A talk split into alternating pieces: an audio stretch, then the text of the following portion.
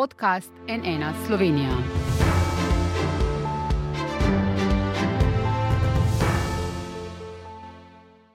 Dobr dan. Z današnjim dnem na NN začenjamo tudi soočenje znotraj uradne volilne kampanje. Tema pa pravna država. Trenutna vlada se namreč že vse od začetka dveletnega mandata sooča z očitki velikega dela opozicije, stroke in civilne družbe, da ruši vladavino prava, napada drugače misleče in državo vodi v avtokracijo. V studiu sta predstavnika strank, ki jim ankete trenutno kažejo najbolje, Urška Klakočar Zupančič, Gibanje Svoboda, dober dan. Dobar dan. In gospod Franz Breznik, Slovenska demokratska stranka SDS, dober dan. Lepo zdrav, dober dan. No, naj pojasnim, da na mestu Franca Breznika bi moral danes stati notranji minister Aleš Hojs. Soočenje je bilo z njegove strani večkrat potrjeno, odpoved je prišla dve uri in pol pred snemanjem. Kljub temu, da smo mu ponudili katerikoli drug termin v tem tednu, se za udeležbo ni odločil, češ da nima časa. Gospod Breznik, v stranki voljivcem radi rečete, ne, da držite besedo, uh, ampak to torej ne drži. Gospoda Hojsa ni v studiu. Poglejte, jaz nisem odvetnik gospoda Hojsa. Uh, zdaj, če je to edini problem, lahko zdaj odidem iz studia, pa počakajte, da bo gospod Hojs prišel. Koliko jaz poznam delovanje gospoda Hojsa, je, gre za človeka, ki je izreden deloholik, ki rešuje vsak dan uh, nakopičene težave zadnjih 30 let te države, tako kot predsednik vlade, kot številni moji kolegi. Nekaj je tudi bolanih in morate nas razumeti, da za nas je upravljanje z državo izredno pomembna prioriteta. Ne na zadnje smo ministri vključeni tudi v mednarodne dejavnosti. In uh, po vsej verjetnosti je gospod Hojs malo prevečljivi razlog danes. Vsekakor bomo tudi o drugih temah, ampak gospa Klakočar Zupančič, kako si to neudeležbo razlagate vi? Ne morem si jo razlagati drugače, glede na to, da je prišla dve uri pred začetkom oddaje, kot da se je gospod Hojs izognil temu soočanju. Mora biti na tak način, kot se je gospod Janša izognil soočanju z predsednikom stranke Gibanja Svoboda, gospodom Robertom Golobom, včeraj na POP TV. Uh, gospa Klakočar Zupančič je glede te vlade v preteklih mesecih dejala, da oblast, ki vlada strahom, ni legitimna oblast, temveč oblast, ki želi imeti ljudi pod nadzorom. Pa tudi, da vlada eklatantno krši ustavo, izkorišča epidemijo, pritiska na medije, pošilja otroke pred sodišče, ker so si želeli v šolo, zopr državljane pa uporablja prekomerno represijo. Gospod Breznik, vi ste poslanec največje stranke, bili ste tudi državni sekretar na notranjem ministrstvu. Če bi v kakšni drugi državi na to opozarjala opozicija, bi vas verjetno skrbelo. Ja, zelo zanimivo je bilo spremljati, kako ljudje, posamezniki, reagiramo, ko pride ena hujša kriza, kot je bila ta eh, epidemiološka kriza, ne samo v Sloveniji, v Evropi. Zdaj, zanimivo je vedno primerjava. Ne? Eh, pred nami, veste, da smo imeli izredno situacijo v Italiji, zelo zanimive pa so tudi. Uh, odločbe ustavnih sodišč v naših sosednjih državah. Recimo, primer, spomnim se prvega dneva epidemije v Avstriji, kjer so se na vseh naslovnicah največjih časopisov pokazali tako opozicija in koalicija, in v uh, Nemčiji povedali, da uh, delujejo skupaj, da kot družba moramo biti povezani in da bomo skupaj, kot povezani, šli skozi to družbo. Pri nas v to Sloveniji... se upravičujemo v parlamentu, vse stranke parlamentarne podpisale poziv k cepljenju, da nima. Ne? Smo imeli tak primer. Ja, na, na poziv Slovenske demokratske stranke, po drugi strani pa s figami v žepu, kot veste, je opozicija nagajala do konca na vseh področjih, metala maske po parlamentu, se odreževala vseh eh, protestov ne? in na zadnje, pogledajte si tudi sodbo ustavnih sodišč. Zdaj bom kar povedal, ravno pripravljam, eh, sem zaključil svojo magistersko nalogo ravno na tem področju omejevanja človekovih pravic v času pandemije v Evropi, za primerjalno analizo v Evropi. Lahko povem, da je Slovenija Slovenija vrščena nekje v sredino, že zdaj, po vseh ugotovitvah. Um, lahko bi rekel, da nismo tako hudo omejevali človekove pravice. Tudi sama kritika glede vladanja z odloke, glede, to je bila primerjalna praksa tudi v sosednjih državah, gre za hitrost odločitve, ker na eni strani rešujete človekove življenja. Jaz mislim, da je človekovo življenje kot človekova pravica in dostojanstvo tisto, kar je osnova neke družbe, na drugi strani pa seveda omejevanje neke svobode združevanja. Uh, Po tretji strani pa treba vedeti, da je Slovenija majhna država, izredno vpeta v gospodarske tokove velikih držav, nimamo dodane velike dodane vrednosti in treba gledati torej nek kompromis med vsemi temi, uh, lahko bi rekel, vsemi tremi smermi in na koncu uh, mislim, da smo iz uh, te krize odšli Žal mi nam je v Slovenski demokratski stranki za vsako žrtev te krize, za vsako smrtno žrtev. Po drugi strani pa morate se zavedati, da Slovenija v izredno dobri gospodarski kondiciji, imamo izredne dobre bonitetne ocene in na tej podlagi so pred nami, lahko bi rekel, izredni, ali lahko bi rekel tudi svetli obeti za razvoj te države v prihodnosti. Bom to uporabil kar kot istočnico, gospa Klakočer Zopančič. Če imamo dobre bonitetne ocene, gospodarsko rast, pa nizko brezposelnost, na lestvicah, ki kažejo stanje demokracije, ne, eh, pa Slovenija pada v zadnjem času. Kako avtoritarna je torej postala naša država v zadnjih dveh letih? V zadnjih dveh letih je naša država postala zelo avtoritarna. In to je res tako, kot bi vrgli živo žabo v lonec mrzle vode in jo potem počasi kuhali. Tako se je delalo z državljani te države. Poglejte, epidemija koronavirusa je bila izkoriščena za kršenje človekovih pravic in temeljnih svoboščin, ki jih imamo zapisane v ustavi in ki so predmet številnih mednarodnih konvencij, ki jih je Slovenija dolžna spoštovati. Nobena epidemija ne more biti razlog za tako eklatantno kršenje človekovih pravic, kot se je dogajalo pri nas. In to recimo sploh, sploh pravic, ki nimajo z epidemijo nobene veze. Svoboda govora z epidemijo nima nobene veze. Pa še nekaj. Res je ustavno sodišče pri nas razveljavilo neustavne odloke. Zakaj? Zato, ker so temeljili na zakonu, ki je bil neustaven. V drugih državah smo imeli tudi prakso vladanja z odloki. Ampak ti odloki so temeljili na zakonu, ta zakon pa je temeljil na ustavi. Če imamo hierarhijo pravnih aktov, potem velja, da imamo na vrhu ustavo, pod njo imamo zakone in pod zakoni imamo podzakonske akte. In vsi ti akti morajo biti med seboj skladni. Pri nas tako ni bilo. Zakon o nalezljivih boleznih je bil spoznan za neustavnega. Kar pomeni, da bi oblast morala najprej uh, vsebinsko dopolniti in sprejeti zakon o nalezljivih boleznih, ki bo skladen z ustavo, in šele na to odloke, ki bodo zgolj izvrševali vsebino zakona. Ni vlada tista, ki bo določala, kako bo omejevala človekove pravice, v kakšnem obsegu. Zakon je tisti. Vlada lahko le izvršuje z odloki. In uh, prenovljeni zakon je prišel, gospod Breznik, v državni zbor, govorimo o zakonu o nalezljivih boleznih, ampak ni imel podpore. Na koncu ste ga v bistvu v koaliciji sami zrušili, eh, zrušili napovedali novega, pa ga potem ni bilo. Kako odgovarjate na to, kar pravi gospa Klakočar Zupančič, da smo postali zelo avtoritarni v zadnjih dveh letih? Jaz ne vidim uh, v državi, kjer je imela opozicija, lahko bi rekel, večino svojega glasa v vseh medijih, kjer so uh, grozili predstavnikom vlade, uh, ne na zadnje tudi poslancem, s smrtjo, s fizičnim obračunom.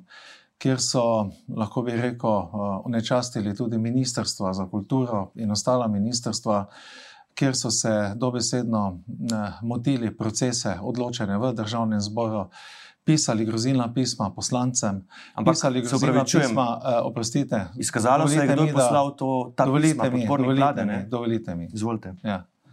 Uh, na drugi strani uh, ne poznam, uh, če primerjamo uh, tudi represalije, o katerih največkrat govorite. Ne? Si pogledajte eh, Avstrijo, s katero smo se večkrat primerjali, policijo, kako je delovala zoper nelegalno združevanje, ali pa v Franciji, ki je lahko bi rekel nek vzor neke demokratične države že stoletja.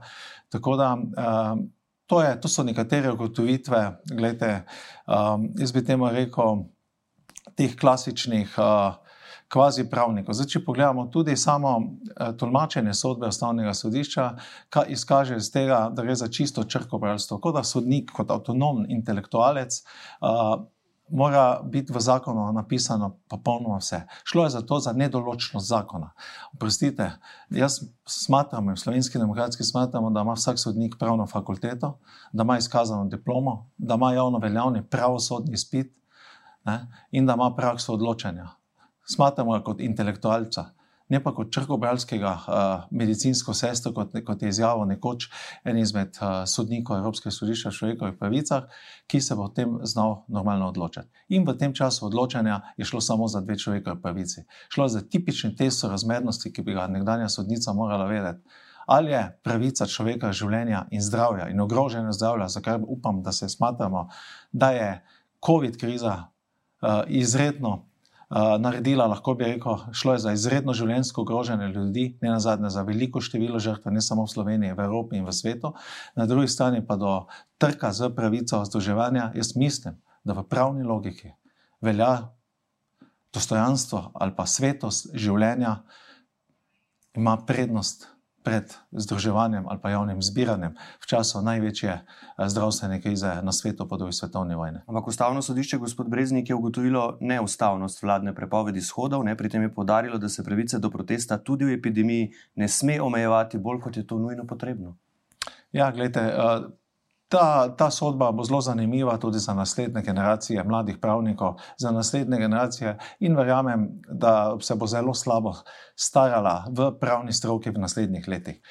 Kazalo se bo, predvsem neka eh, politična paradigma pri nekaterih določenih ustavnih sodnikov, ki so odšli od svojega bistva. Jaz dalje ne bom komentiral, mi smo te odločbe, kot veste, spoštovali, kot spoštujemo vladavino prava v Sloveniji.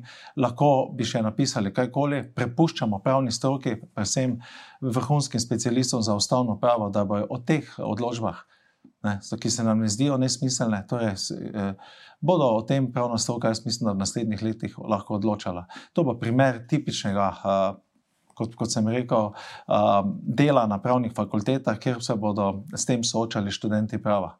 Ali je bilo pravilno ali ne, o tem bo odločala prihodnost. Kaj pravite na ta očitek, da so sodniki črkobravski? Poglejte, sodniki so res intelektualci in sodniki daleč od tega, da so črkobralci. Zaradi tega, ker noben uh, zakon ne more zajeti vse obsežnosti situacij, ki se pojavljajo v življenju. In sodniki uporabljajo pri interpretaciji zakona uh, različne, uh, način, na različne načine razlage uh, in si pomagajo s pravno teorijo in sodno prakso, da raztolmačijo določbe, ki morebiti niso tako konkretne glede tega, kaj je bilo uporabljeno proti, uh, proti državljanom, bi rada še nekaj povedala.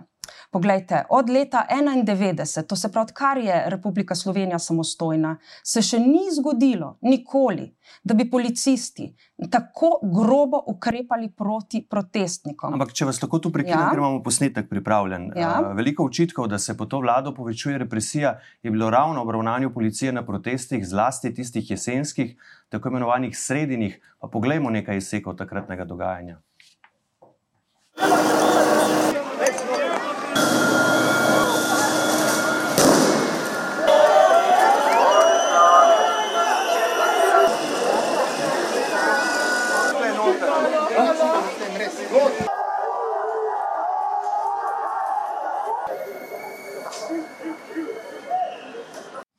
Gospod Breznik, to, kar smo videli, ne, je to za vas sorazmerna uporaba sile? Ne, v oblakih sozivca so se znašli otroci na igriščih, pa upokojenci, ki so z vrečkami hodili iz trgovin. Je to sorazmernost? Poglejte, poznate policijske metode eh, dela na takšnem nivoju. Ste se prepričali? Ja, mogoče ste dali posnetek, ja, ste, ste mogoče zasledili, da policija vedno uporablja metodo stopnjevanja Ukoliko gre za mirne proteste, kot veste, ki jih je bilo na stotine, policija ni ukrepala, bila je tam dobesedno samo to, da je varovala. Na naslednjih eh, protestih pa je policija, glede na eh, nasilje protestnikov, ki so na drugi strani bi lahko pokazali celo vrsto posnetkov metanja, granitni koc policiste, poškodovane policiste in tako naprej, ne, je začela seveda stopnjevati, uh, stopnjevati uh, obrambo torej tistih, ki, ki so na tej stopni, lahko bi rekel, bili ogroženi. Dovolite, da vam preberem iz poročila, kaj notri piše. Poročilo, ki ga je upravila policija o uporabi uh, torej prisilnih ukrepov na teh protestih, ne, na velikem številu predobljenih posnetkov osebnih telesnih kamer, ki so jih naredili pripadniki posebne policijske enote, je vidna le uporaba prisilnih sredstev, niso pa posnete kršitve, kar lahko v določenih primerjih poraja dvom, ali je do množičnih kršitev sploh prišlo in tu gre za posnetke po dnevi. To je poročilo iz policije, gospod Breznik. Ja, pogledajte, a vi mislite, da lahko policisti non-stop uh, snemajo nasilje? Jaz poznam sistem dela, sistem dela je stopnjevalen, policija se vedno odloča za tiste ukrepe, ki so milejši, in vkoliko se uh, torej samo nasilje stopnjuje, tako tudi stopnjuje uh, svoje ukrepe uh, policija. In dejstvo je, da če bi si pogledali uh, takšno nasilje v Avstriji, v Italiji, v Ameriki, kjerkoli boste pogledali po svetu, po vsej verjetnosti bi bili ti ukrepi še bolj strogi.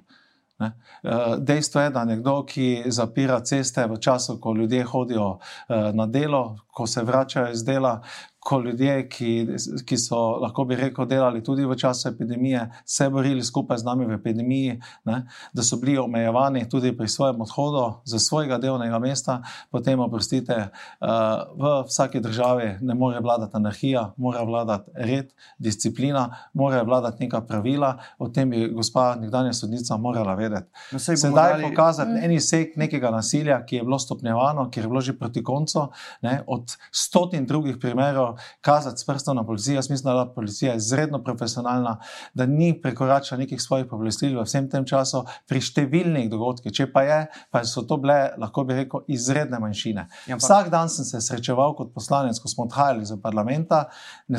Če vam povem, kaj se je vse dogajalo, kakšno nasilje, kakšne žalitve, pljuvanje po poslancih, ministrih in vse ostalo, ne, in kako profesionalno so policisti, ki so z dneva z dan z nami našli, torej živeli z nami, lahko reko, odreagirali. Ja, danes iz tega mesta gledate, lahko samo čestitam. Takrat je minister Hojs tweetal, ne, da niso izdelali ocene tveganja, jih ozmerjal z lenuhi, Seveda, če bi bil v studiu, bi ga s tem tudi eh, soočili, ampak gremo zdaj še k petkovim protivladnim protestom, ki potekajo zdaj že sto tednov zapored. Uh, zdaj bodo tudi ljudje videli fotografije, ki so policisti v polni opremi z Trga republike dobesedno odnašali protestniki, ki so tam mirno in na razdalji brali ustavo. Gospod Breznik, a niso to prizori, poglejte, ki spominjajo na avtokratske režime, nekaj podobnega smo recimo v zadnjih tednih tudi v Rusiji gledali. Uh -huh. Uh -huh. Kaj menite, gospod Breznik? Žalostno. Pa, pa vi povejte. Jaz bom povedala tri stvari. Prvo, mi nismo v Avstriji, mi nismo v Franciji, mi smo v Republiki Sloveniji. V Republiki Sloveniji imamo pravni red, ustavo, zakone, ki jih je treba spoštovati. In seveda jaz to zelo dobro vem. Glede odločb ustavnega sodišča se bom takoj vrnila na eh, represijo. Ustavno sodišče je jasno povedalo, da je pravica do protestov ustavna pravica, ki jo ni dovoljeno na tak način omejevati, kot jo je omejila, ustava, eh, kot jo je omejila vlada z odloki. Ker namreč za zaščito ljudi, ki sodelujejo na teh protestih, bi lahko poskrbeli drugače, ne tako, da se jim kar prepove protestiranje, z, z vzdrževanjem ustrezne razdalje, z nošenjem zaščitnih mask ne na zadnje celo tako, da se jim ponudi uh, razkožilo za roke. To je ustavno sodišče jasno napisalo. Uh, potem represija, uh, stopnjevanje te represije, ki smo jo zdaj videli na vaših posnetkih, to, uh, kaj se je dogajalo, je ugotavljala posebna komisija. In pravilno ste prebrali tudi, kakšne so bile ugotovitve. In še nekaj. Jaz verjamem, iskreno verjamem, da se policistom upira, večini policistov upira da morajo tako ravnati proti svojim lastnim državljanom, ker policisti niso tam zato, da bodo zganjali nasilje nad svojimi državljani. Policisti v protestih so tam zato, da bodo blažilec med protestniki in med oblastjo. Blažilec, ne nekdo, ki bo spuščal na te ljudi sozivec in vodni top. Te posnetki so grozljivi in takšno ravnanje nas bo pripeljalo samo še do hujšega ravnanja. In zato je nujno, da se to ustavi, takoj, ne mudoma. Vsi vemo, kako se je začela represija v zgodovini, kako so se razvijale eh, države, avtokratske države in kam je to prišlo. In jaz mislim, da si nobeden ne želi takšnega konca. Gospod Breznik, če odgovorite. Um, lahko tudi prečitam to, kar ima gospa pre, pre, napisano, že naprej, kot vidim, je dobila vprašanje naprej. Ni dobila vprašanja. Bom pa jaz vprašanja, lahko pogledate. Lahko pogledate. Uh, vidim, da imate odgovore napisane, pri nas je pač tako. Ne, pišem si sproti. Gledajte, gospod Breznik, jaz si pišem uh, sproti. Ja. tako, kot sem si pisala vedno in kot mislim, da je tudi prav, zato da sem pravilno pripravljena in zato da povem tisto, kar mislim, da morajo državljani slišati. Mi pa nikoli nikomor ne dajemo vnaprej vprašanj in to ne bo povsem jasno, gospod Breznik, če lahko odgovorite, prosim. Torej, vi nas primerjate z Rusijo, ne? zdaj, koliko vem, so. To ste vi rekli so kolegica predstavila neko opcijo, kjer so bili uh, veliki zavezniki z sedanjim režimom Putina, kjer je hodil sem, kjer so si njihovi vidni predstavniki delili medalje in tako naprej. Danes se seveda probajo od tega distancirati. Zdaj vi uh, govorite o nekem nasilju. Veste, stranka SDS je stranka slovenske pomladi. Stranka slovenske pomladi je že bila zraven pri osamosvojitvi. Mi smo v deklaracijo, v temeljno ustavno listino spisali, da se v bivši državi množično kršijo človekove pravice, temeljne svoboščine.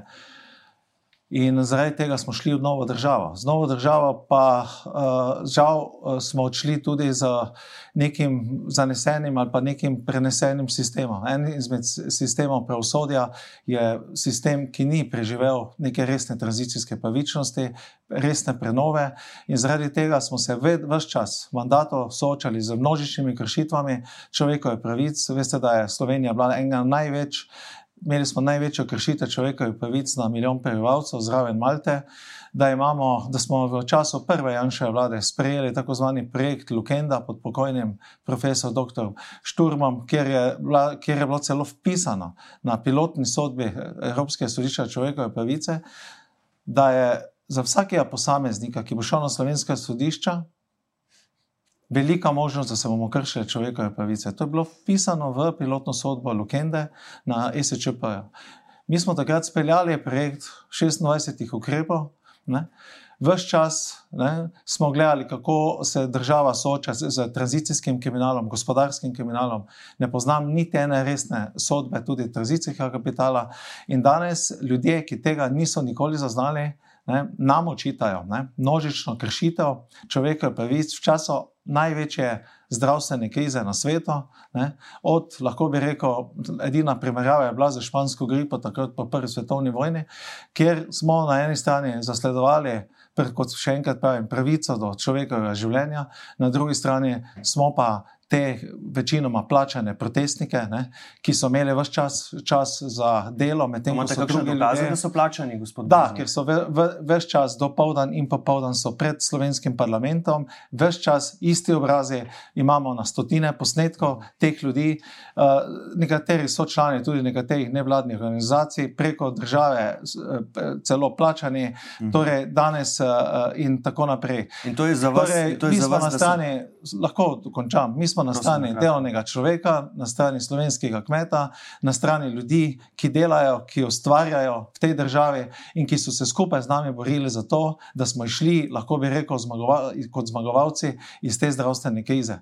Jaz na to delovanje vseh ministrov v tej vladi, vseh poslancev, ki so bili v koaliciji, tudi tisti, ki so pomagali na marsikdaj s krajim glasom, izredno ponosen in verjamem, da se bomo na ta, na ta del v prihodnosti spominjali s ponosom. Ampak mi dovolite, da samo dam zelo kratko repliko. Zelo, zelo, zelo kratko. En stavek. Samo to. Eh, v sodstvo jaz nisem prišla s projektom Lukenda in tudi moj oče se je boril v osamosvojitveni vojni. Samo toliko. Uh, Mobi pa glede slovenske pomladi eno... samo to povedala, da je morda postala zdaj slovenska zima. Gospa Klakočar Zupančič, vaš predsednik Golop je sinoči na soočenju na Pop TV rekel, da je omikron sev, pri katerem cepiva ne pomagajo, kar ne drži. To ni res. Ne? Vi ste pa na Facebooku, sicer med prijatelji, ne javno, to je treba povedati, uh mhm. -huh. nekoč pohvalili retoriko Marka Potrča glede epidemije. Ne? V stranki vse čas poudarjate, da boste poslušali stroko, ampak katero stroko boste poslušali, ker je v bistvu ta stroka jasna, cepiva delujejo tudi proti omikronu. Lejte, kar se tiče retorike Marka Potrča, jaz nisem analizirala vsebine njegovih izjav, ampak samo način, na kakšen je on izjave podajal. Podajal jih je argumentirano. Vi se distancirate od tega? Jaz se od vse, vsebine absolutno distanciram, no. njegov način govorjenja pa je bil absolutno boljši kot način, na katerega bila, so bile podane informacije se strani oblastnikov. Zavajanje glede omikrona. Glede omikrona, eh, jaz, jaz nisem strokovnjak na tem področju, jaz nimam znanja medicinskega, jaz stroki zaupam. Eh, Mislim, da tega pa ima ali kako. Naš predsednik prav tako je že večkrat povedal, da zaupa stroki in da je treba stroki vrniti nazaj tiste pristojnosti, ki jih je imela.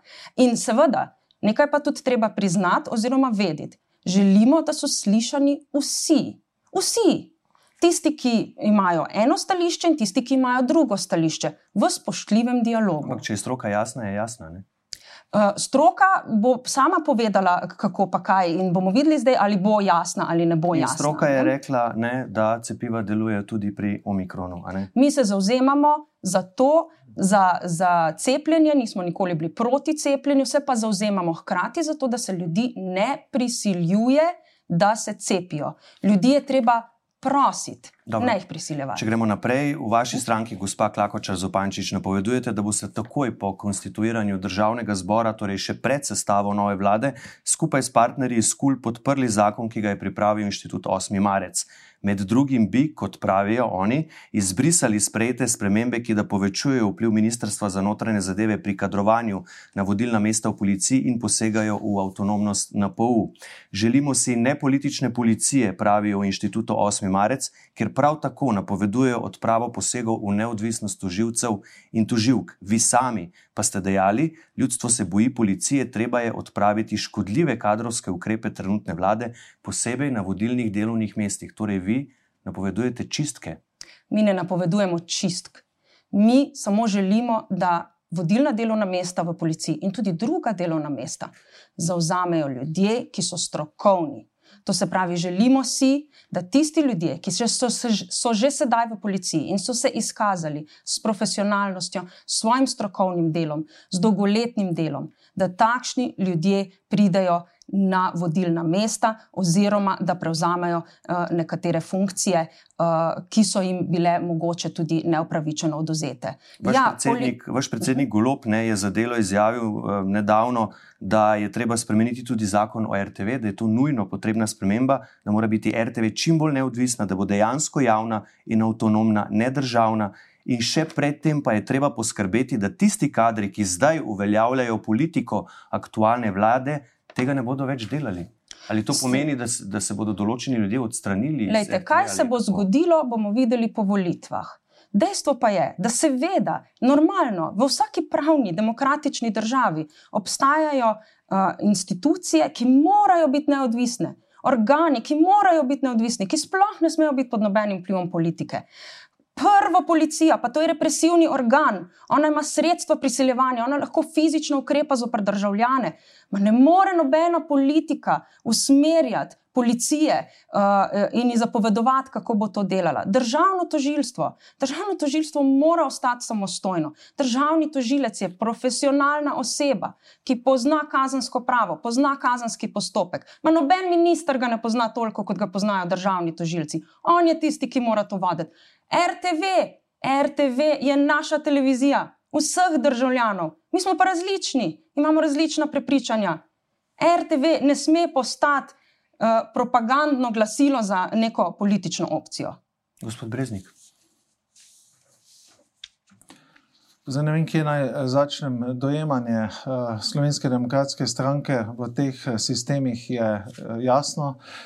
Gospod mi lahko pove, kateri od višjih ali pa visokih policijskih uradnikov ni imel dolgoletne prakse, kompetenc, ki je bil. Vodja na PU trenutno. Gospa je doktorica ekonomskih znanosti, bila je že predtem, kot vem. Uh, lahko povem do konca. Izvolite.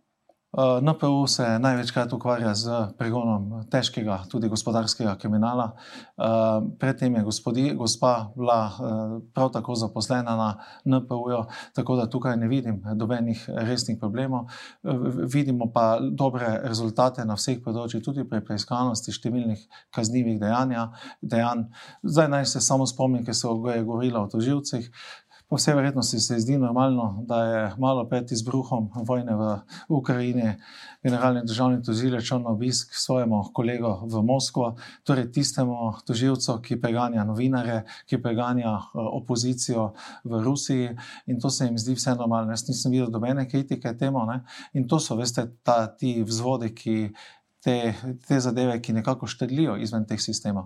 Mi eh, spoštujemo neodvisnost tožilstva, mi spoštujemo profesionalnost policije, mi spoštujemo meritokracijo in postopnost delovanja v policiji in želimo policiji pomagati. Pomagali smo zato, da smo uh, v policiji zagotovili znatna materialna sredstva, da smo zagotovili blagostanje policistov, ne nazadnje tudi vojakov v, v tej krizi in da smo popravljali tudi nekatere napake ki so se dogajale v preteklosti, predvsem tudi podfinanciranost policije. In danes je policija sodobno opremljena na vseh ravneh policijskega delovanja. Lahko pogledate, recimo, že na sami avtocesti, ko sem se pripeljal, uh, vidite najmodernejša policijska vozila in tako naprej, uh, tudi njihova osebna oprema. In uh, za vsakim. Uh, Tudi uh, delovanjem v policiji stoji, gledajte, uh, generalni direktor policije, on je tista oseba, ki odgovarja za delovanje policije. Minister je tista oseba v policiji, ki skrbi za zagotavljanje vseh ostalih materialno-tehničnih in kadrovskih sredstev za delovanje policije, kot takega v okviru Ministrstva za notranje zadeve. To so pač določene pristojnosti, in mi mislim, da ni ga sistema, ni ga, lahko bi rekel, resorja v tej vladi, pod delovanjem te vlade, ki ni pridobil znatnih sredstev, Gospa, gospa prihaja iz pravosodja, samo primer. Pravosodje ima danes 130 milijonski proračun, povečanje za prejšnji proračun na 66 odstotkov. Pravosodje v tem trenutku gradi dva nova zapora, pravosodje v tem trenutku dobiva novo palačo, pravosodje v tem trenutku dobiva najnovejša audiovizualna sredstva, pravosodje v tem trenutku dobiva uh, projekte digitalizacije pravosodja, ki bo razbremenili sodnika, zato da bo lahko sodo. Pravosodje bomo dali v naslednjih letih, koliko dobijo mandat, predvsem bomo nagradili dobre, kvalitetne sodnike, ki jih je pravosodje kar nekaj in jih spoštujemo v Slovenski demokratski stranki. Ampak uh, zahtevamo pa številnost uh, dobro razloženih sodb, in tako naprej, da ne govorim o tistih zadevah, kjer gre za neodvisnost sodnikov, kjer gre za, kjer gre za vides nepristranskosti sodnikov, kjer so bile te zadeve izredno kršene v preteklosti. Poznamo če rečemo, sodbe, če rečemo... številne excese v pravosodju, ki želim, da so popravljene. Če rečemo še kakšno o odnosu te vlade do nevladnih organizacij, gospod Breznik, ne takole, zdaj bodo ljudje videli, se je premijer Janša na Twitterju spraševal, če kdo pozna kakršen koli nacionalni dosežek katerega koli društva oziroma organizacije, ki sestavljajo inicijativo Glas ljudstva. Med njimi bom samo nekatere naštel: Amnesty International, Društvo Ključ, Humanitera, Društvo SOS, Telefon za ženske in otroke žrtve nasilja. Vi tudi ne poznate nobenih dosežkov naštetih? Ne, ne poznam. Ne poznam. Poznam pa društvo SOS telefon. Ja, lahko, veste, kaj lahko, dela? Le, lahko nadaljujem. Ne? Uh, ne, odgovorite na moje vprašanje. Ja, sem, samo da obvelujem. Mi smo, tudi sam sem član nevladne organizacije, recimo prostovoljci gasilcev. Skupaj z nevladno organizacijo in številnimi strokovnjaki smo v Slovenski demokratski stranki že pred leti tudi premijer Janša pri tem sodeloval, spisali resolucijo o digitalni preobrazbi Slovenije, kjer so se nam nekateri posmehovali. Uh, pripravili smo načrt zelene preobrazbe s številnimi strokovnjaki. Za nas so vlad, nevladne organizacije uh, lahko bi rekel, dodana vrednost družbi, ampak tiste nevladne organizacije, kjer so delujejo ljudje, ki pomagajo, ki so strokovnjaki, ki so kompetentne osebe. Društvo Ključ, recimo, pomaga pri trgovini z ljudmi. Ja, eh, oprostite, da eh, do, dovolite, mi, dovolite mi, da, da povem uh, do konca. In zaradi tega uh, bodo še tudi nevladne organizacije, tudi v naslednji vladi, vkolikor bo pod. Pod vodstvom Slovenske demokratske stranke ali pa bomo v koaliciji, bodo financirane. Ne, bo, ne moremo pa financirati nevladne organizacije, ki jim je ključ ustanoviti neko nevladno organizacijo, ki nima dobene dodane vrednosti te družbe in takšne ne, nevladne organizacije izkoriščajo slovenski, lahko bi rekel, proračun in slovensko družbo. Na drugi strani pa imamo celo vrsto ljudi, ki živijo pod pragom reščine, imamo nekatere upokojence, recimo kmečke upokojence, ki vsa ta leta živijo od 200 evrov pokojnin, imamo celo vrsto, kot so nekoč rekli, tudi uh, lačnih otrok in tako naprej. Torej, uh, veste, kot, kot, kot, kot ko moraš tehtati, kaj je pomembno in kaj je ne pomembno za razvoj neke družbe, za njen prebojni moment, ki trenutno nastaja za Slovenijo v okviru četrte industrijske revolucije, potem, pogledajte, uh, moraš vse to kot resen politik sprejemati odločitve. Torej, Slovenska demokratska stranka ni proti nevladnim organizacijam, je pa proti tistim, ki preko rekla nevladnih organizacij. Ne, Hočejo izčrpavati proračun, teh pa je bilo kar nekaj. Jaz ne, ne trdim, kritika te ključ, to je pomembna tema, To je pomembna tema. Pozabil sem povedati, da v tem trenutku je Ministrstvo za pravosodje pripravilo tudi nov koncept varnih hiš, posebne hiše za otroke in tako naprej, ki se navezuje na delovanje teh nevladnih organizacij. Spoštujemo tudi tiste nevladne organizacije, ki delujejo na področju palijativne oskrbe, torej ljudi, ki umirajo, ki so ob njih, ki jim pomagajo blažiti tiste njihove zadnje trenutke in tako naprej. Tako da, veste, kako tako etiketirati slovensko demokratsko stranko, da smo a priori proti nevladnim organizacijam, ni res. Ne gre veste, za etiketiranje vrsta predsednik je, se je pač spraševal o dosežkih ja. naštetih organizacij, je, ki jih je ja, veliko. Ne? Slovenska demokratska stranka je postala zato največja. Zato najbolj prepoznavna v svetu, zaradi tega, ker je veljalo načelo meritokracije. Jaz danes tu sedim v studiu, zato ker so smatrali, da bom lahko in nekaj znal povedati, seveda svoje glave, brez napisanih tekstov. To je delo slovenske demokratske stranke, mi teh. Eh, črkobralcev in čitalcev nekih tekstov v parlamentu smo srečali preko novih obrazov že pet generacij. Vsi so propadli, stalno bolj hitro so propadli in mi govorimo o novih obrazih kot o sindromu zastave 101. 20 let smo ponujali avtomobil zastavo 101, vedno pod drugimi oznakami, eh, zastave 101S, eh, Mediteran, Comfort, Special, skala 55, skala 65, vedno smo vam predali zastavo 101, torej nek zastarel koncept za neko novo masko ali pa z novim obrazom. To je problem slovenske politike, in uh, mi gradimo in želimo pri vseh, da imamo na drugi strani uh, ne sovražnike v politiki, ampak predvsem politično konkurenco, zato da bomo tudi mi boljši. Če pa politična konkurenca eh, nastaja ne iz potreb ljudi, ampak nastaja kot medijski projekt, ki nekako ugasne, kot tisto drobno rezano cvetje, ki zelo lepo cvete, tri dni in na koncu ugasne, potem morajo stranke graditi in nastajati od spodaj na zgor, iz dejanskih potreb v družbi. Če lahko odgovorite na to zastavo, stojena. Ojoj, v glavnem, kot prvo. Nove stranke v, uh, v današnjih časih nastajajo iz potreb ljudi, ker prihajajo na politično prizorišče ljudje, ki nikoli prej niso bili v politiki, tudi tisti, ki si nikoli mislili, niso, da bodo v politiki.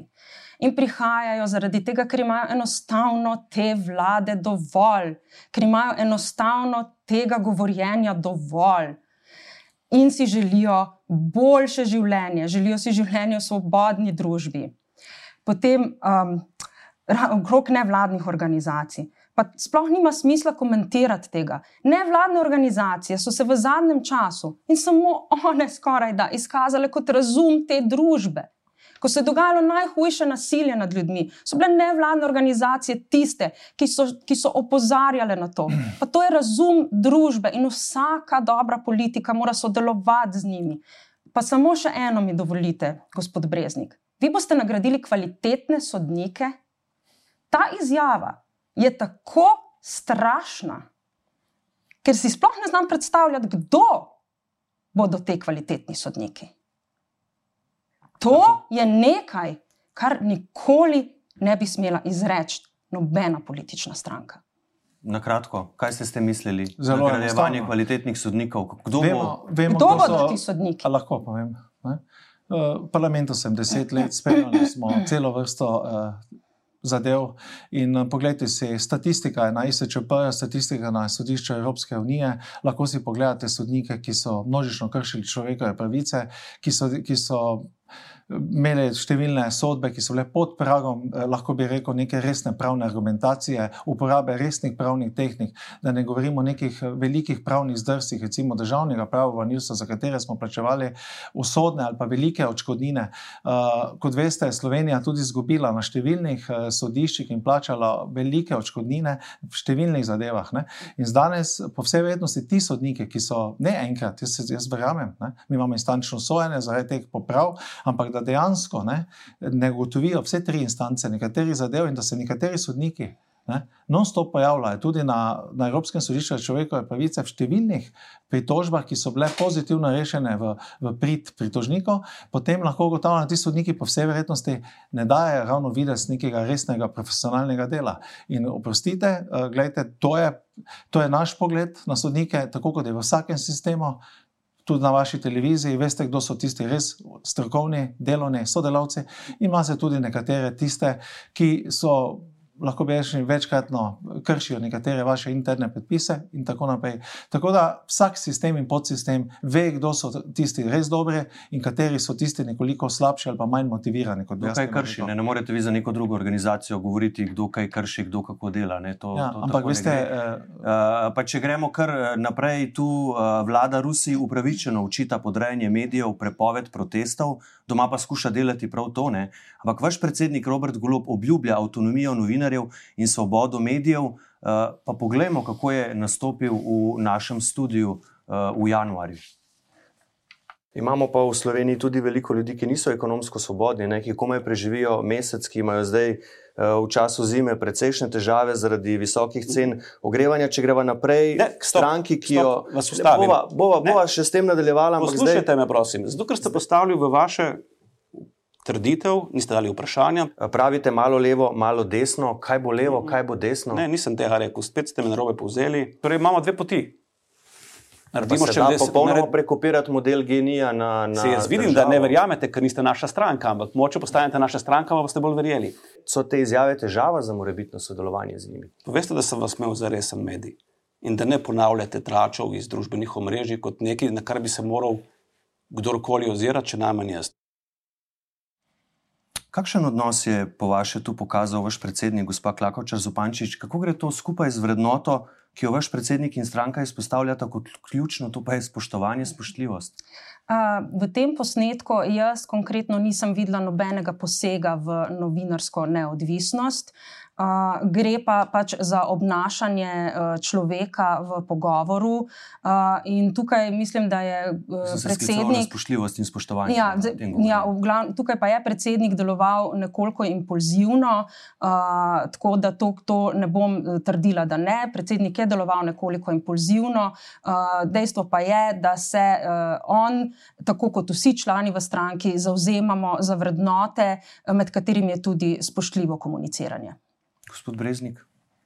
Poglejte, eh, jaz lahko vedno sem jezen, lahko sem žalosten o neki resnici ali pa ne resnici, ki krožijo o meni kot politiko. Eh, vedno pa kot politik moram razumeti delovanje političnega dela in spoštovanje vašega dela. Eh, tukaj pač jaz mislim, da posnetek pokaže vse, način delovanja nekoga, ki je z neko avtoriteto vodo v državno podjetje, energetsko državno podjetje. Ob, tega mislim, da ne rabim več razlagati ob neverjetni visokem dohodku v državnem podjetju. Jaz kot poslanec nisem človek, ki bi bil nevošljiv, koliko nekdo postavi nek zasebni model, kot je pred kratkim recimo številni podjetniki imajo tam veliko plačo, seveda za slovenske razmere, mi s tem nimamo problema. Problem pa je, če nekdo deluje kot nek razvajen otrok, kot eh, otrok, ki mu ne sme doben nič očitati, ki je najbolj pameten, ki je najbolj zvest in uh, tu je ta problem. Veste politiki smo v prvi fazi tisti ljudje, ki moramo poslušati, ki se moramo učiti od boljših od sebe.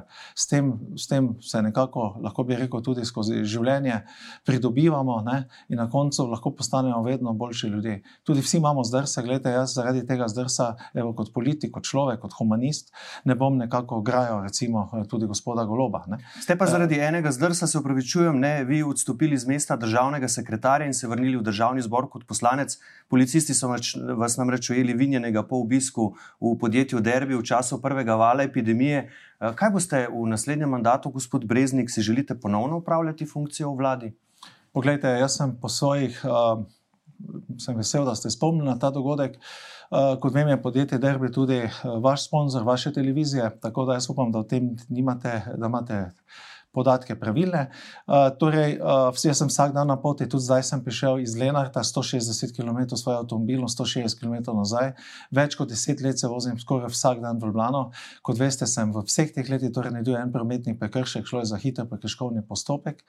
Jaz sem zaradi tega prekrškovnega osopra. Uh, Odstopil, se upravičil, in ravno ta prekrškovni postopek je pokazal, da na trditve, da pravna država deluje.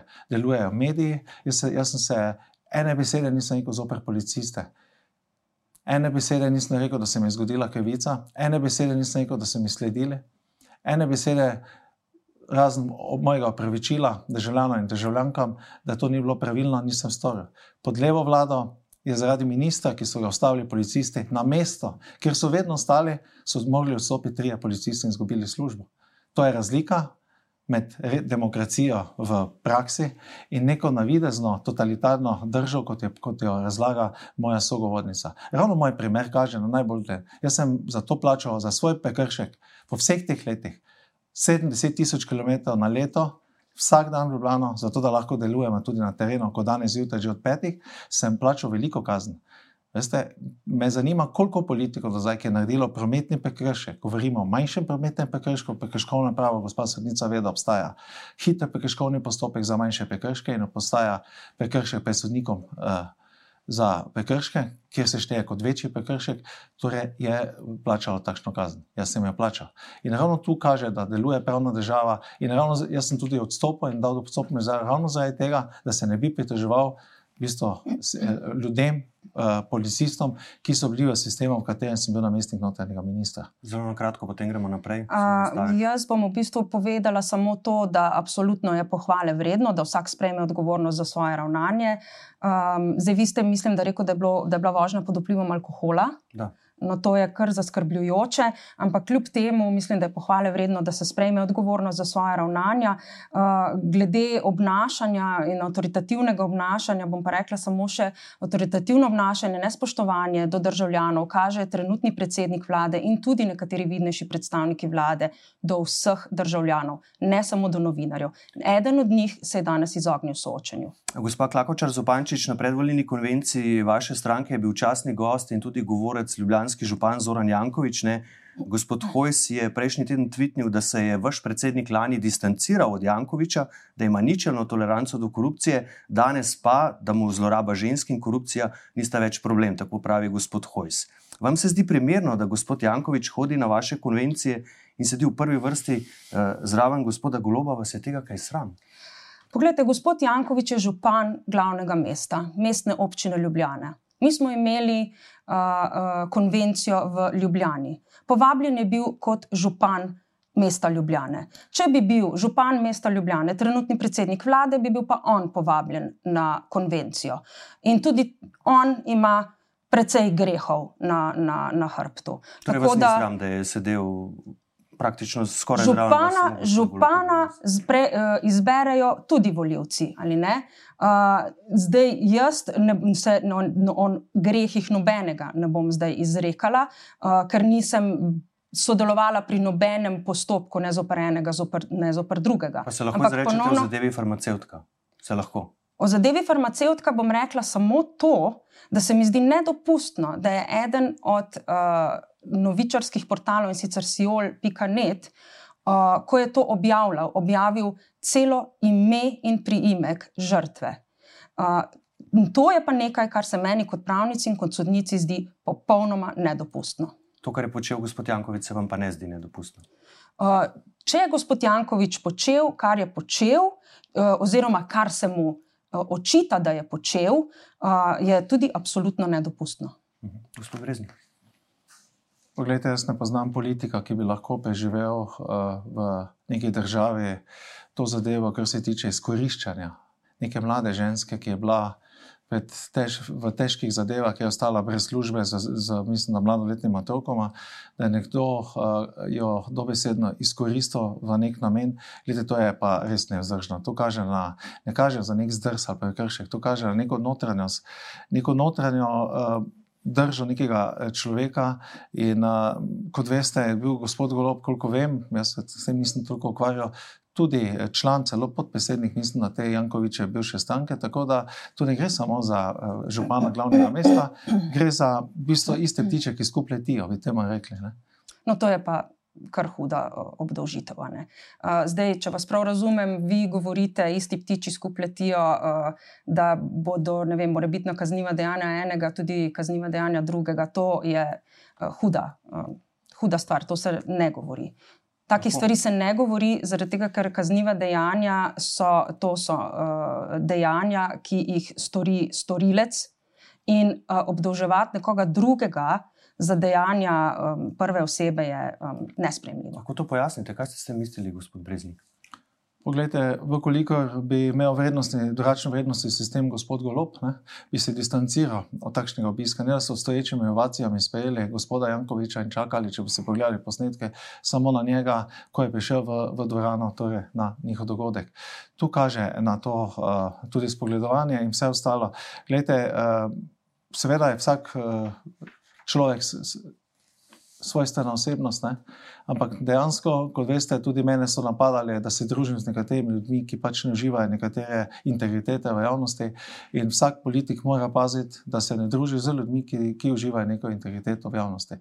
Zdaj, za gospoda Jankoviča in kar nekaj tega, vasla, kot vemo, celo vrsto stečajnih postopkov, ker je država morala popraviti in slovenski državljani so mogli za njim plačevati milijonske, torej preko davko, milijonske vsote v proračun, zato da smo popravili njegove, lahko bi rekel, eh, jaz bi tem rekel, podjetniške eh, ideje. Ne? Na drugi strani so si v, v primeru gradnje stožic slovenski podjetniki celo storili samomor za neplačništvo za to in tako naprej. Tako da, gledajte, gre za, za eno specifično osebnost, kot je gospod Jankovič, ki ga ni v studiu, ne bom tega nadaljeval, tudi z moje strani se mi ne zdi, da bi bilo preveč kulturno.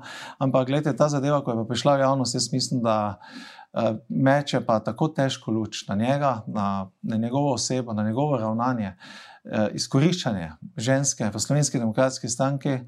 Spoštujemo ženske, spoštujemo ženstvenost. No, vaš predsednik je povedal o služenih prostitutkah, ne? to je treba povedati, gospod uh mhm. -huh. Breznik. Uh, Kot veste, eh, je gospod eh, Janša to napisal, po vsej verjetnosti ne kar tako ti dan. Veste, kaj se je dogajalo, gospod Janša, vsa leta, ravno iz strani teh dveh, eh, jaz bi tem rekel, ne novinark, ne, ampak političnih delov, ki delujeta na javni radio televiziji, ki so si izmišljali insinuacije. No, ena zdaj ni več, ne, ena je zdaj dejansko kandidatka vaše stranke, samo še odgovor na, na to, to vse. Gremo, no. gremo naprej, potem gospod Klakočar Zupančič. Uh, ja, tako kot sem povedala, uh, gospoda Jankoviča zdaj ni v studiu uh, in mi tudi nismo tukaj, da mu bomo sodili. No, ampak boste, boste se distancirali od teh povezav, ki očitno pač obstajajo od med vašo stranko in gospoda Jankoviča. Od vsakih uh, povezav, ki mečejo slabo luč na, uh, na kogarkoli, se stranka Gibanja Svoboda ustrezno distancira. Uh mhm. -huh. Dobro, eh, če gremo zdaj še eh, naprej, eh, gospod Breznik, predsednik države Borod Pahor se je upravičil za krivice, ki, je, ki jih je izbrisanim naredila Slovenija. Upravičilo je pri, prišlo pozno, ampak dobro, da je prišlo. Se strinjate s tem? Poglejte, ne morem se vtikati v delovanje predsednika države v slovenski demokratski stranki vsako sodbo, predvsem sodbo ustavnega sodišča ali pa sodbo Evropskega sodišča človekove pravice, ki je bila tudi v primeru izbrisanih, spoštujemo. Ne? Lahko imamo svoje razmišljanje, kot ga ima vsak posameznik, ko dobi neko sodbo svojega sodišča. Potem se ampak, ne strinjate, da se mi je blazna krivica zgodila? Uh, Glejte, če, če bi kot pravnik, mislim, da imamo premalo časa, pogledali, koliko ljudi je takrat sprejelo državljanstvo, koliko ljudi je ta status svoje uredilo in koliko ljudi je takrat tudi špekuliralo v nekaterih zadevah, potem uh, se morate vprašati. Ignorancija, juris nocet, jaz mislim, da to pravilo pozna gospa Sonica zelo dobro. Tudi če se jaz ne bom uredil nekaterih zadev, bom zamudil nek pritožbeni ali kakršni koli rok, bom zato nosil nekatere posledice. V tem primeru je država nastajala na novo, mi smo šli iz nekega sistema v neki drug sistem, ta sistem se je se, se spostavljal. Koliko so se zgodile krivice, verjamem, da so se ad personam zgodile tudi številnim, ki so poskušali vse narediti, se in tudi jaz, gledajte, nimam problema, da se opravičim. So pa med njimi tudi, veste, kar tako pošaljno, tudi ljudje, ki so na koncu ugotovili, da v Sloveniji je lepo življenje, da dobijo izredno po izbinškem zakonu poceni stanovanja stanovanja in so videli potem po nekaj letih svojo priliko. Ampak tudi te primere se veste, dogajajo. Tudi te primere se dogajajo. Veste, številni drugi državljani ne, si niso mogli, ali pa moji, recimo na Štajerskem, kupiti stanovanja za 5-10 tisoč evrov v centru Ljubljana. Tako kot so lahko nekateri ti. Veste, še... Krivice se, se dogajajo, vsem so se nam mogoče dogajale in uh, spoštujem popravo teh krivic. Uh, torej, kot vedno dejam, sodbe se spoštujejo, sodbe koliko jih sprejme neka distanca, kot naša stranka, s tem nimamo problema. Ja, ne podpirate pa predsednikovega upravičila, tako sem razumel, gospa Klakočar Zopančič. Ja, gospod Breznik je omenil eno temeljnih načel v pravu, ki je nastalo še v času rimski, rimske države. In sicer ignorancija juris nocet. Naj povem, da to pomeni nepoznavanje prava škodi. Seveda, z razlogom je nastalo v tistem času, ko pravo še ni bilo niti približno ne, tako kompleksno, kot je sedaj. Pa se ne bi spuščala zdaj v, v to, kakšno pravo je takrat obstajalo. Ampak danes mislim, da ni človeka, ki bi poznal vse pravne predpise, ki jih sprejme neka država. Kar se tiče pa izbrisanih, pa menim, da je to eden največjih pravnih genocidov ki se je, zgodila, uh, skupini, ki se je zgodil neki skupini ljudi, in na tem mestu bi bilo zagotovo primerno, oziroma tudi morala bi se celotna vlada tem ljudem opravičiti. A veste, da so pred nedavnim so se opravičili v Kataloniji ženskam, ki so bile sežgane na grmadah kot čarovnice. Tako da jaz upam, da bodo tudi izbrisani nekoč dobili svoje upravičilo. To bomo videli uh, za konec. Uh, gospod Breznik, pravnice iz pravne mreže za varstvo demokracije so pred meseci v intervjuju za NN ocenile, da ta vlada, zdaj pa citiram, ustvarja atmosfero nasilništva, ki ne omogoča dialoga, prepoznavanja skupnih problemov in odzivanja na nje, ampak se je strah in sili v umikanje iz javnega prostora, meče dimne bombe, kot je bila sprememba zakona o javnem redu in miru, ki je predvidevala globe od 500 do 1000 evrov za nedostojno vedenje do najvišjih predstavnikov oblasti, torej de facto verbalni delikt. Rekle so še, da se je SDS že v preteklosti vzpostavljala ravno na temah, kot so uploditev samskih žensk izbrisani, že omenjeni, isto, istospolna partnerstva, migracije, vedno, da so imeli potrebo po vzpostavitvi družbene napetosti in da to je to sredstvo političnega boja. Mene zanima, takšna sredstva političnega boja na društvo in manjšine delujejo uničujoče, razdiralno. Verjetno tudi vi vidite, kako se s tem poglablja nek družbeni razdor. Poglejte, stranka, ki je vedno izhajala iz slovenske pomladi, ki je bila zavezana spoštovanje človekovih pravic, temeljnih svoboščin, ki globoko spoštuje tudi, jaz bi temu rekel, e-, Evropsko konvencijo o človekovih pravicah. Ehm, s tem nimamo problema. E, to, kar pa e, ta institucija, o kateri govorite, vidim posameznikov, ki bi bili ki bi imeli kompetence, da so vrhunski strokovnjaki na področju prava človekove pravice, pa ustavnega prava ne poznam. Ne. Poznam pa številne, ki so nam eh, pomagali pri delovanju v, v času te vlade, ki so se izkazali na najbolj vrhunskih pravnih fakultetah na svetu. Uh, jaz verjamem tistim, ne, tem ljudem, ki se stavljajo neko institucijo, kjer dobenega od vidnih posameznikov ne poznam, pa ne, pa ne morem soditi. Tako da to je lahko neko subjektivno, neko subjektivno mnenje. Poglejte, jaz ne vidim. Ravno stranka, ki nikoli ni uh, izočevala, ki loči politiko in ki ne, ne vidi sovražnikov v dobene politične opcije, ampak vidi politično konkurenco in ne na zadnje partnere pri skovanju naslednjih vlad. Stranka, ki je vedno vladla, vladala s tem, da je povabila vedno vse stranke v neko koalicijo. Stranka, ki je vedno z tudi tistimi, ki so bili v opoziciji, iskala neka partnerstva za razvoj te države, za blagostanje teh ljudi. Stranka, ki je ne na zadnje ravno zaradi tega postajala skozi leta vse večja, uh, pogostejša, ki je dobivala tudi številne uh, člane in članice iz ravno te neke. Eh, socialdemokratske ali pa leve opcije, poglejte, tega ne vidi. Verjamem, da so bile storjene tudi kakšne napake, če smo človeški, če smo posamezniki, ki strmimo k, k lahko bi rekel, nekim idealom v, v družbi, potem te napake popravljamo. Slovenska demokratska stranka se lahko uh, uči tudi za kakšnih lažnih napak, to smo se vedno učili, kot sem se tudi sam učil v prejšnjem primeru, in gremo z glavo naprej. In tudi, gledajte, uh, stranko gospoda Goloba. Mojem priznati, z gospodom Golovom smo sedeli uh, približno 8 mesecev nazaj na eni lepi prireditvi, kjer je moj nekdanji poveljnik častne garde, gospod brigadni general Anton Krkovič, organiziral skupaj z njim uh, to prireditev. Takrat je gospod Golob bil zelo veselen narave, celo uh, bil vesel glede delovanja te vlade in uh, ne vidim nobenega problema. Problem je bil, kot je, ko je pač ni bil potrjen že njegov ne vem kateri mandat. Potem se je zadeva popolnoma. Peti peti, niti ne poznam tega, gledajte, zasukala. Meni gospod Golob do tistega trenutka deloval kot uh, nek moj človek, zato ker sem sam izhajam z bolj znanega slovja, kljub temu kot inženir in mojem priznati, da sem pač eh, spremljal nekatere zadeve, sem velik prevrženec obnovljivih virov energije, zelene tranzicije, ne na zadnje, uh, sem tudi uh, delujem v tem, v, v smislu delovanja uh, procesov, ki tečejo tudi v našem programskem delu Slovenske demokratske stranke za prihodnost.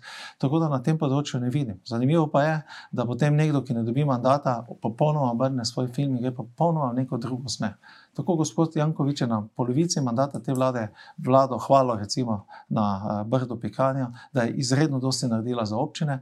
Tako je tudi, mislim, gospod Golob, dokler uh, ni izgubil ali pa dokler ni imel potrjenega petega ali šestega mandata, kot jim pravite, potem nekako obrnil svoj način delovanja. Jaz kot gospoda Goloba, kot inženirja, spoštujem, gledajte.